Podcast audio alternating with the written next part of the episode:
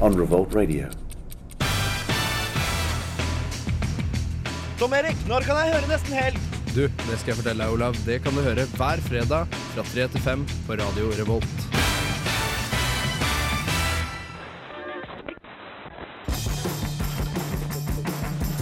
Hva hører du på nå? Du hører på Bokbaren.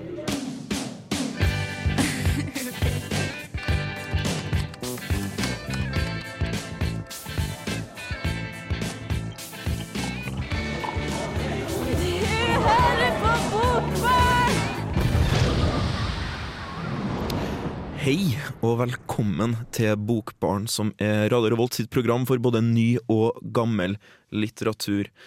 I dag skal vi snakke om både ny og gammel litteratur, eh, men eh, før vi gjør det, så skal vi høre Douglas First med Into the Woods.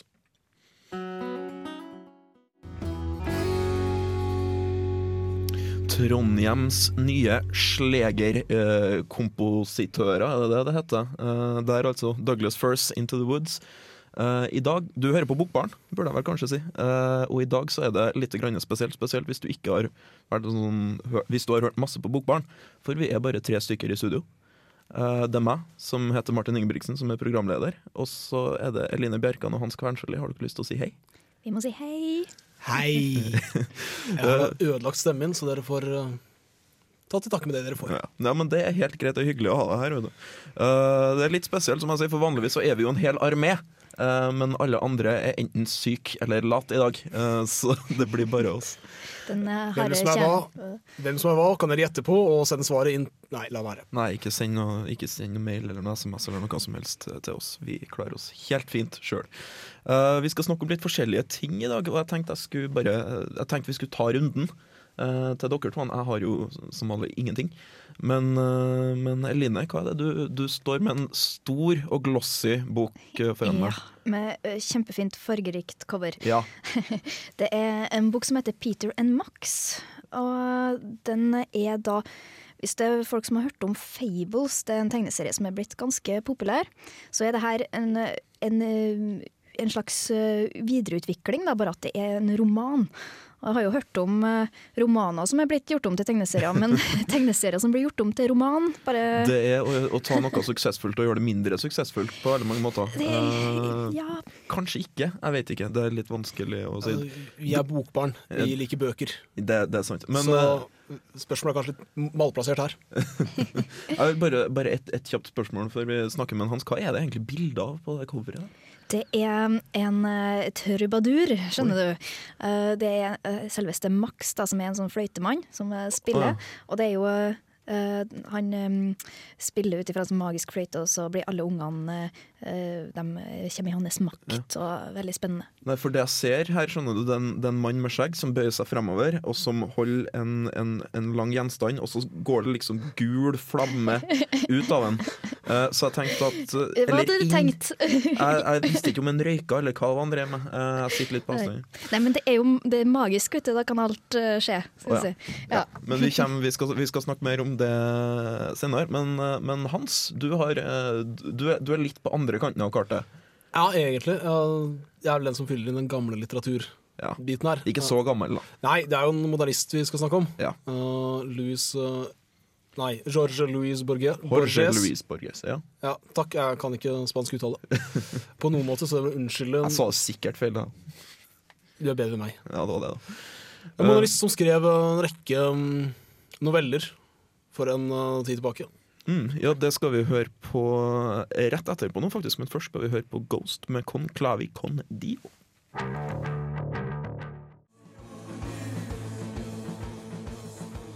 This is Alan Moore, and you're listening to The Book Bar. Det hender seg at jeg går rundt for å se hva byens bokhandler har å by på. Det hender seg ganske ofte, faktisk. Jula er en av de tidene på året da jeg har litt bedre oversikt enn ellers. Siden jeg da strever med å finne julegaver til folk. Så der gikk jeg, da. Forsøkte å finne julegaver til de jeg mente skulle ha fortjent det. Og plutselig ser jeg en bok. Og så befinner jeg meg plutselig utenfor butikken med en bok mellom hendene, 500 kroner mindre og ingen julegaver. Boka jeg hadde mellom hendene, var den nylig oversatte samlede fiksjoner av George Louise Borges. Og ja, noen bøker kjøper man bare uten å tenke seg om. Av en eller annen grunn viser menn meg må finne ut av, har ingen nordmann funnet på å oversette Borges i sin helhet før nå. De som står bak dette, er Kari Kjell Risevik, som har gått fatt på de spanske originalene som den blinde bibliotekaren skrev og fikk gitt ut fra 50- til 80-tallet. Noen forfattere trenger et spark i baken for å komme seg i gang. Borges fikk en hodeskade som nesten drepte ham. Inntil da så han på seg selv som dikter, en poet. Ikke særlig vellykket som sådan. Han begynte av forskjellige grunner å skrive essay og noveller når han kom seg til hektene igjen etter skaden, men det tok sin tid før noen egentlig la merke til ham. Det kan noe med det at han skrev spansk, i en tid før det kom mye bra litteratur fra Sør-Amerika. Det blir ikke feil å si at han er bestefar til den magiske realismen, og en stor andel av den søramerikanske litteraturen. I ettertiden har han blitt ansett som en sentral modernist, på lik linje med f.eks. James Joyce. Det er faktisk mulig å sammenligne de to, men der Joyce bruker språket til å mane frem verdener, bruker Borges tanker og ideer. Jeg tror dette har noe med det å gjøre at Borges ble gradvis blind etter skaden. Dette ga ham en mer abstrakt følelse av verden. Så til forskjell fra mange modernister tematiserer ikke Borges språk, men heller tanker. Det forbausende enkle språket brukes til tematisering av fortellingen og tanken, en slags søken etter det stoffet filosofi lages av. Det er en abstrakt labyrint av mytologi og matematikk, legender og drømmer, fortellinger om modige menn og filosofiske fantasier. Det er et museum av det imaginære, der man kanskje kan glimte det som er mulig, men ikke nødvendigvis det som er sant. Det er en annen side av det at eh, Borges ikke identifiserer språk på samme måte som mange modernister. Hos Borges finner du ingen setning som strekker seg over fem sider, eller ord ingen lenger bruker i dagtale, eller nye ord som ingen kommer til å bruke i dagtale. Det er en streven etter lettfattelig språk og den gode fortelling. Det er ikke et ideal som skal frem, men heller jakten på et ideal, eller en slags generell sannhet. Det trekkes linjer tilbake til antikken, og det trekkes linjer til filosofi og religion, samt det rent fiktive. Men uansett hvor linjene trekkes, ligger dette bakteppet av abstrakte tanker og lurer i bakgrunnen. Pga. et enkelt språk fortoner de abstrakte tankene seg, kanskje ikke enklere, men klarere. Det er en lettfattelighet i det komplekse, som iallfall ikke jeg har funnet noe annet sted. På mange måter er Borges en av de viktigste forfatterne i sin tid. Det er mange som mener han burde fått Nobelprisen for litteratur, men det skjedde altså ikke. Han sa selv at skandinavene hadde en tradisjon for ikke å gi ham prisen. Dette er kanskje av det at han skrev spansk, i en tid før søramerikanerne var kjent for litteratur. En annen faktor var nok det at han skrev forholdsvis lite. Men den arven han har etterlatt seg, er et velde av søramerikansk litteratur og en hel tradisjon magisk realisme. Ja, det var Jorge Luis Borges, det er altså, eller Borges. eh, Som det skrives. som det skrives. Eh, det er jo en aldri så liten begivenhet, kan du si. Altså det som er oversatt fra før, er vel, så vidt jeg vet, labyrinter.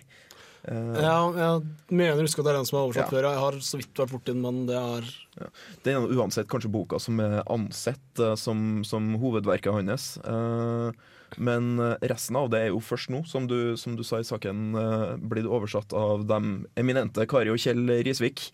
De to menneskene som har oversatt halvparten av alle bøkene som er og blitt oversatt til norsk, har en følelse av at Jeg har sett på hvor mye det er oversatt, og det var en del. de har, eh, de har vunnet, vunnet priser òg, tror jeg. Men, Så setter eh, for det. ja, men eh, altså, det er jo en veldig mm, Vi, vi kaller den jo modernist. Uh, Men det er på lik linje som jeg skal kalle Joyce modernist, men Høymodernist, kanskje. kanskje. Det blir, eh, det blir. Men hva er det som gjør den til det, eh, egentlig? Altså det er, som jeg nevnte saken, som bruker Bruker noe som ikke har Bruker noe på en måte som ikke, ikke har blitt gjort før. Ok. Altså han bruker øh, ikke egentlig språk, sånn sett, men bruker det som ligger bak språket, altså ideene om et språk. Lager bilder og bruker de bildene på ganske fantastiske måter. Altså det, er, det er ikke bare et vanlitterært bilde, sånn sett det er en faktisk idé. Ja. En filosofisk grunntanke. Skal si er mer rent enn faktisk filosofi, sånn sett. For filosofi vil være litt konkretisert gjennom språk, men det er, det er noe renere eller mer grunnleggende som så, da. Ok. Men eh, vil du Syns si- jeg. Ja. Det er, det er min måte å ordlegge meg på. Jeg vet ikke helt om det blir forståelig på den måten, men det er litt sånn Borges er. Ikke så, altså han er jo, også Som alle høymodernister så kan han være vanskelig å sette eh, ord på. Eh, er nok en, en, eh, en, både en rimelig antagelse og en rimelig observasjon fra min, eller har jo lest den sjøl. Men eh, altså, hva er det egentlig han skriver om? Ja, si det. ja, altså, Hvis du skal ta et utvalg altså, i- Vi kan eksempel ta en um, novelle, eller du kan kalle det essay. Du kan kalle det nøyaktig hva du vil egentlig. sånn sett. Kryss, en kryss en, Det er en krysning. Et uekte barn av et essay og novelle, kanskje. ja, altså, han skrev i innledningen i Labyrinter at han er en lat mann, og han um, velger å la være å følge moten. Som, eller han velger å følge moten, at det er, man skal skrive om bøker man har lest. Okay. Essay om bøker man har lest. Han er en lat mann og skrev da essay om fiktive bøker. Så han skrev da en, uh, et essay om at han fant et leksikon sammen med en kamerat. Og de slo opp på et eller annet land, jeg husker ikke nøyaktig hva navnet var lenger. Okombar eller noe sånt noe. Mm. Uh, og vi finner og leser litt om det, og konkluderer med at dette er rart. Så får han ideen at jeg skal sjekke opp det her. Mm. Uh, så sjekker han opp på, i et annet leksikon, og finner ikke. Samme leksikon, samme utgave, samme utgivelse, men det står ikke. Det viser at det bare er det ene leksikonet hvor det står. Ok, Så det er gitt ut en serie med leksikon, og så er det bare det Ja. her ene som har det, det landet oppført? Ja. Liksom. Fire sider ekstra. og det refererer til en bøker, og de bøkene prøver han å finne, men han, også finner han en etter hvert, da. Til ganske mange år. Ti år eller sånt noe. Det viser at bare én av dem også. eller noe. Det er oppkonstruert en verden som har et helt abstrakt språk, som, hvor dette språket kan si, sier noe om hvordan språket vårt er oppbygd, og hvordan vi tenker. Man ser jo i det her da, på en måte hvor, eh, hvor magisk realisme kommer fra. Ja. Eh, altså Den der oppfinnsomheten, den måten å tematisere historiefortelling i en historie på, Mm. eh, er jo veldig til stede. Ja, Kan vi prøve å konkretisere akkurat det her magisk realisme? For det er jo veldig sånn flytende begrep. Alt hvor det er en tvil om hva som virkelig ikke. Det var egentlig en, en, en, en, grei, eh, en grei oppsummering. Eh, nå, nå, nå kan man jo si at det gjelder det aller meste av litteratur, men vi kommer kanskje Ja, ja. ikke så veldig mye nærmere magisk realisme. Nei, man gjør ikke det. Altså, man kan si at det er en del litteratur hvor det er eh, tvil om hva som er virkelig og ikke, men hvor det tematiseres på et vis. Okay. Altså hvor, det, hvor, det, hvor det faktisk blir en ordentlig tvil. Drømmer mot personen. Er han høy som bare F, eller er det her bare noe overnaturlig? Uh, så en, en, et siste spørsmål eh, før vi går videre. Uh, en ting som i mine øyne kjennetegner alle høymodernismer, om det er Samuel Beckett eller, eh, eller, Sam, eller Samuel Beckett si, eller James Joyce, eller hvem Ja. det nå skulle være, bortsett fra Virginia Woolf, er, her, er at de er morsomme. Er Jorge Luis Borges morsom? Jeg vil si mer fornøyelig. Mer fornøyelig? Jeg synes at Han forteller fantastiske fortellinger. Det er en søken etter faktisk en ren fortelling. En sånn ren fantastisk fortelling Det å si noe er ikke så veldig viktig. Som gjør det kanskje ikke morsomt, men fornøyelig og litt øh, pirrende for fantasien. eller noe sånt. Det, det, vi, vi, tar, vi tar det som en anbefaling, vi. Uh, vi skal høre Kenny Rogers med 'Just Dropped In'.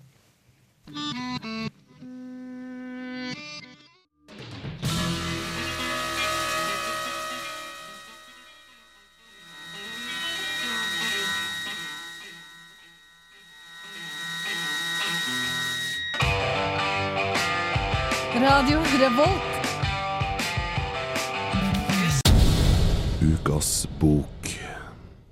Årets lengste sammenhengende latterkrampe presenteres av Arnfinn Kolerud via romanen 'Når en først skal skyte noen'. Ei eneste bygd til Noreg holder fremdeles på nynorsken. Det er en liten stad på Nordvestlandet som blir kalla Vestbygda. Eller Vestbygdi, om de vil. Karakteren Orm Åkerstein får æra til å åpne ballet i Vassbygdi. Det gjør en ved å kjøre postbilen på sjøen. Til politiavhør så forklarer han at Vi har to målformer i Norge. Bokmål og nynorsk. Da skulle en tro at reklamen vi får i postkassa skulle være på begge måla, men alt Posten deler ut, er på bokmål. Om postbilen ligger på sjøbunnen, kan den ikke brukes til å dele ut mer reklame på bokmål. Det er ikke eneste Orm holder til oss andre karakterene i Vassbygda tar for seg for å fronte nynorsksaker. Bendik uføre gjemmer seg i hyllene atafor hvetemelet for å passe på at ungene som kommer for å handle hvetemel, er klar over at det er hvetemel og ikke hvetemel de skal hjem og bake med. Samtidig er uføre raskt ut med et skriv til innflyttere i bygda. Der informerer han om at Vassbygda slash Vassbygdi er den eneste staden i Nordriket hvor nynorsk ennå er hovedmål, og presiserer at det er venta at innflytterne innretter seg etter det. Nest forklarer han de viktigste vokalskilnadene mellom nynorsk og bokmål. Slik holder de det gående, og det blir stadig mer ekstremistisk og hysterisk i takt med kapitler. Bendik uføre kjørte Toyota.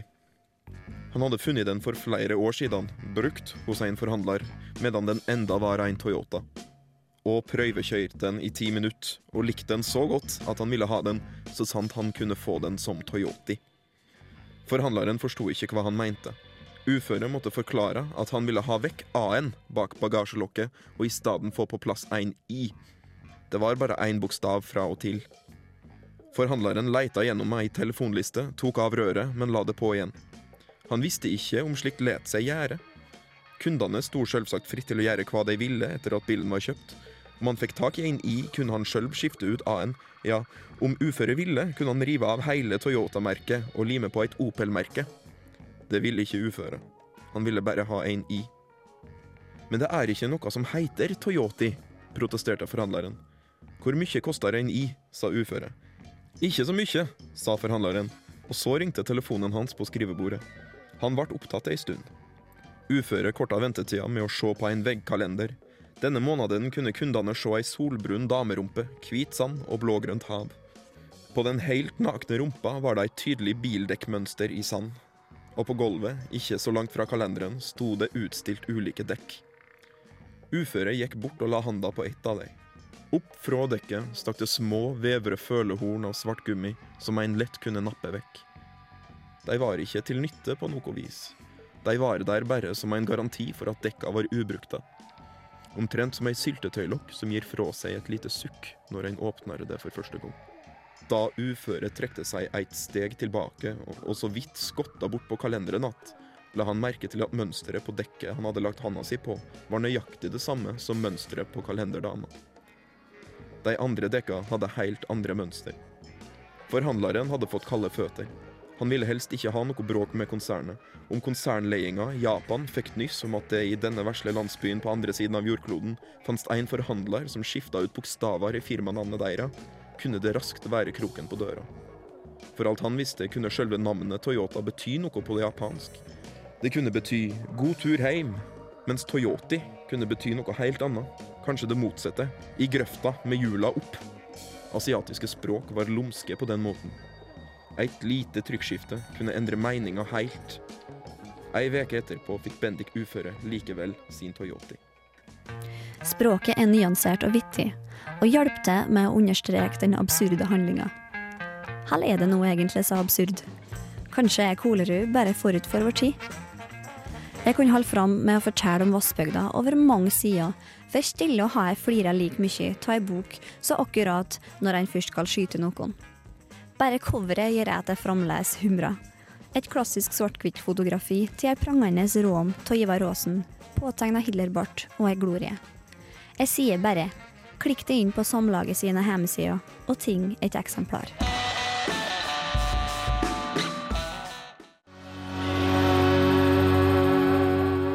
Laura Weirs and Mount Analog med The Ocean der, altså. Du hører på Bokbarn, og i dag eh, vi, snakker vi om litt av hvert. Vi har snakka om Jorge Luis Borges. Eh, vi hørte litt om Arnfinn Kolerud. Det må være Kolerud, det er ikke to l-er i hvert fall. Uh, sin bok som heter 'Når ein først skal skyte noen'. Det var Idun Fivelstad som hadde vært så snill og gjort en anmeldelse av den. Og nå skal vi over på ikke tegneserier, men nei, hva er det? En videreføring, kanskje? En videreføring av tegneserier i romanform. Og det er jo uh, spennende. Unikt, kan du si. Det, det, det, det, virker som at det er feil vei, i hvert fall. Altså, det er litt sånn i vinden med, med grafiske fremstillinger av romaner for tida. Det kommer, sånn, kommer og går, og nå er, det, nå er det på vei opp igjen. I, I Norge så er det jo flere som, som gjør det. Og, men det her er, er noe nytt. Er det, er det noe vi trenger å vite før vi hører noe mer om det? Lene? Ja, dere kan jo få vite hvem det er som har laga hele Sulamitten. Han heter Bill Willingham. Uh, og det er jo en videreføring av hans tegneserier som heter Fables. Han, han har holdt på veldig lenge med dem. Okay. Det har vært uh, omtrent seks år, og i hvert fall kommet ut uh, 15 volum nå. Og det er såpass, ja. Ja. Så han er, han er en etablert uh, serietegner. Altså, jeg har knapt hørt navnet på serien, men den er vel, så vidt jeg forstår, ganske populær. og har vært det Den lenge. er det, og har vunnet ganske mange priser òg. Okay. Eh, og så har den blitt sammenligna med Sandman. Samme forlag som har gitt ut eh, Vertigo. De har jo selvfølgelig også gitt ut den nye boka her. Der har vi da altså linken. Ja, det er vel helst kanskje det. Mm. Ja, Vi skal høre mer på hva du har å si om den som den heter Peter and Max. Ja. Da hører vi på det. Tegneserien Fables blir bare mer og mer kjent og populær. Manusforfatter Bill Willingham har i omtrent seks år brukt kjente og kjære folkeeventyr som utgangspunkt til å lage egne fortellinger, som gir oss et helt nytt syn på eventyrene vi ble presentert for som små. Det å la en såpass etablert tegneserie som Fables plutselig ta skrittet inn i romanens verden, er et overraskende og modig grep av Willingham. I likhet med tegneseriene vever Peter and Max forskjellige folkeeventyr inn i hverandre, og lager en helt egen fascinerende fortelling på grunnlag av dem her. Og sjøl om dette er en enkeltstående historie, uavhengig av de foregående tegneseriene, kjenner man igjen både områder og karakterer fra tegneserier. De første sidene kan nok, for Fables-fans, være fristende å skumme raskt gjennom, da de her består så godt som bare av velkjent informasjon om Willinghams univers. Nye lesere vil likevel sette pris på det her, da de får et mer helhetlig innblikk i fortellinga. Peter and Max er en fortelling om to flyttespillende brødre, og om hvordan de her ender opp som bitre fiender. Boka er bygd opp sånn at noen kapitler er satt til fortida, mens andre forteller om nåtida. Og dette er et snedig grep av Willingham, da leserens kunnskap om fortida til brødrene vil bygge seg opp i takt med at plottet nærmer seg. Sjøl om Willingham viser seg språkmessig kompetent til å skrive en roman som både er underholdende og fascinerende, er nok boka prega av at forfatteren egentlig skriver tegneserier. Her går handlinga fremover i forholdsvis stor fart, og plottet, som egentlig er fint og snedig, drukner litt under sin egen oppbygning. Bill Willingham er en luring, for ved at han tar i bruk det populære universet han allerede har skapt, gir han jo tross alt den trofaste leser mer av det gode, og man blir ikke skuffa.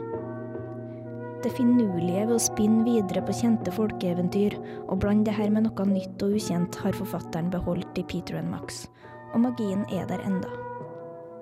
Men jeg som leser forventa noe mer, noe nytt hånd i hånd med det nye formatet. En ny twist, kanskje, eller noe som ga et nytt syn på den foregående tegneserien. Men for nye lesere kan det hende at Peter and Max vil være like fascinerende som det første Fables-volumet var for meg. Willingham vil nok sanke inn noen ekstra fans ved hjelp av denne romanen, for ideen hans er solid, og overlever nok noen krumspring enda.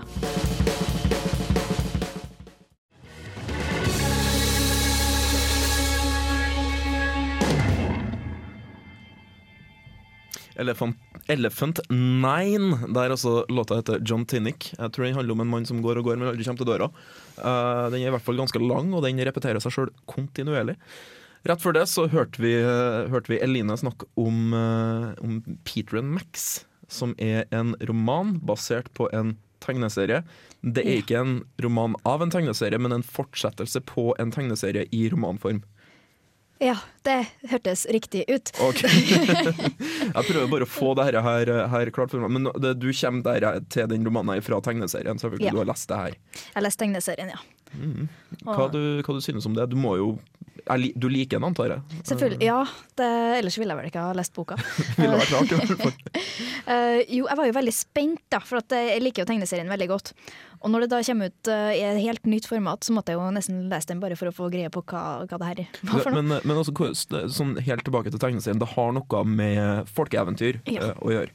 Ja, det er da han forfatteren som har eh, tatt kjente og kjære folkeeventyr og figurene derfra som Snøhvit og Gullhår, Store stygge ulven og alt det her, som vi kjenner veldig godt. Og så har han satt det i en helt ny sammenheng, og eh, han eh, finner opp eh, forhold mellom forskjellige karakterer som vi aldri har hørt om, og det er veldig fascinerende, for han snur veldig mye opp ned på, på det som vi kjenner til veldig godt. Kan du komme med et eksempel, eh, kanskje? Som Ja. Snøhvit møter Askepott på byen-type ting? Eller- Ja, veldig sånn eh, han, eh, Prince Charming da har jo tre, tre ekskoner i den her.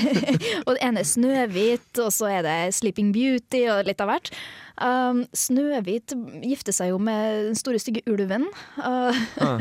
og Gullhår og de tre bjørnene er I begynnelsen av serien så blir de arrestert for å ha vært eh, bak en rekke blodige drap, eksempel. Så det er, det er veldig lite det er ikke så uskyldig da, som folkeeventyrene gjerne var. Så, vi, så, så i sted når vi snakka om, om, om Borges, så snakka vi om at det ikke var morsomt, men fornøyelig. Eh, Er det litt av det samme preget her, kanskje? At du, du, du, du ser det og kjenner det igjen og syns det er underholdende? Ja, det er, det er en sånn fin eh, sammenheng mellom det at du kjenner deg igjen, og samtidig er det helt nytt.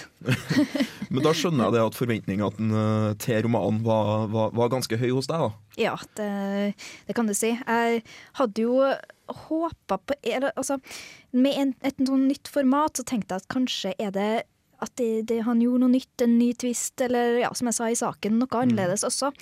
Uh, sånn sett så ble jeg litt skuffa, fordi at uh, han holder jo fast på universet, universet sitt, og han har en egen historie, og det er fint, det. Uh, men han gjør på en måte Det kunne like godt ha vært en tegneserie. Ok, Ja. Det er litt sånn det, det ble, så, Litt skuffelse, altså. Uh, ikke helt fornøyd med å få det du, det du har fått fra før av. Uh.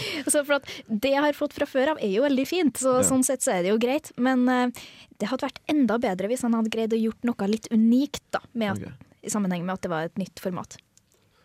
Så på sett og vis er det litt Jeg skal ikke si bortkasta, men øh, det, det, det kunne klart seg uten å ha vært gjort om til en roman, altså. Absolutt.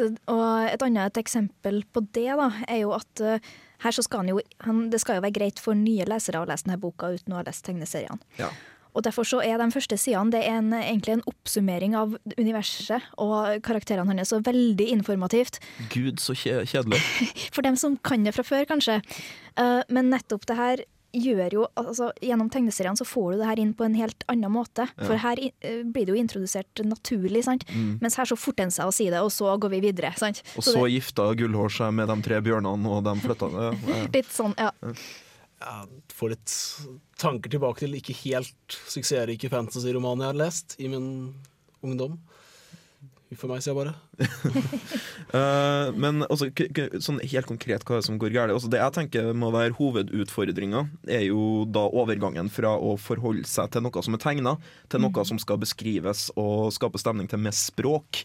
Uh, som jo er det forfattere av bøker i, og ikke tegneserier driver med. Er det Ja. det som på en måte svikter, eller er det Han er faktisk eh, Han har litt sånn beskrivende språk, og det er ikke så dumt, det. Uh, Selv om du merker forskjell. Altså, han er ikke noe stor sånn forfatter i romanform. Han er ingen Borges. Nei, han er ikke noe Borges.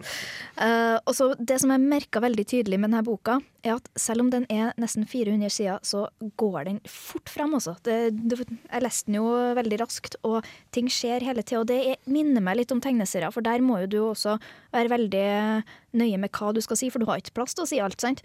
Mm. Så den er på en måte veldig kjapp, da, som en tegneserie ville ha vært. Mm. Er, det en, er det en anbefaling, eller er det mest for fansen, syns du? Jeg tror, altså, hvis, du skal, hvis du er ny til alt dette her, så ville jeg anbefalt tegneseriene isteden. Og hvis du er fan og har lyst på noe litt annet, og venter på neste volum, så kan du lese den her. Mm. Eh, Da skal vi begynne å bevege oss litt videre før det er helt ferdig for i dag. Men først skal du få høre på Sirius Mo med 'Signal'.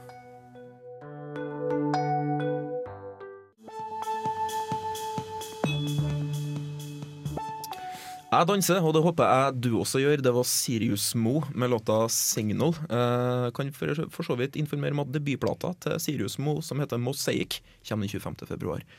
Eh, Bokbaren er omtrent ferdig for i dag. Vi skal avrunde litt. Eh, Hans, du har snakka om Jorge Luis Borges. Stemmer det? Så en, en, en fin bursdagsgave til alle litteraturinteresserte mennesker er den nye samlede verker av Jorge Luis Borges som er kommet til Ja. norsk. Ypperlig bursdagsgave. Første, første gang på norsk òg, kanskje. Ja, I sin helhet. Mm. Uh, Eline, du snakka om uh, hva? Ja, Peter Bill Willingham. Peter Ja. and Max. Stemmer. Ja. Uh, og, og ukas bok i dag var Arnfinn Kolerud med 'Når en først skal skyte noen'. Jeg heter Martin Ingebrigtsen. Uh, som sagt, Hans Kvernsjøli og Eline Bjerkan har vært med meg. Tekniker har vært uh, Arne By. Eh, jeg vil gjerne ønske deg en veldig fin uke. Eh, håper du hører på oss igjen neste gang. Hvis du savner oss, så må du bare laste ned podkast som du finner på iTunes eller på radiorevolt.no, eller eh, ja, ja, på internett. Eh, du skal få høre kongen av USA med 'Don't Be Cruel'.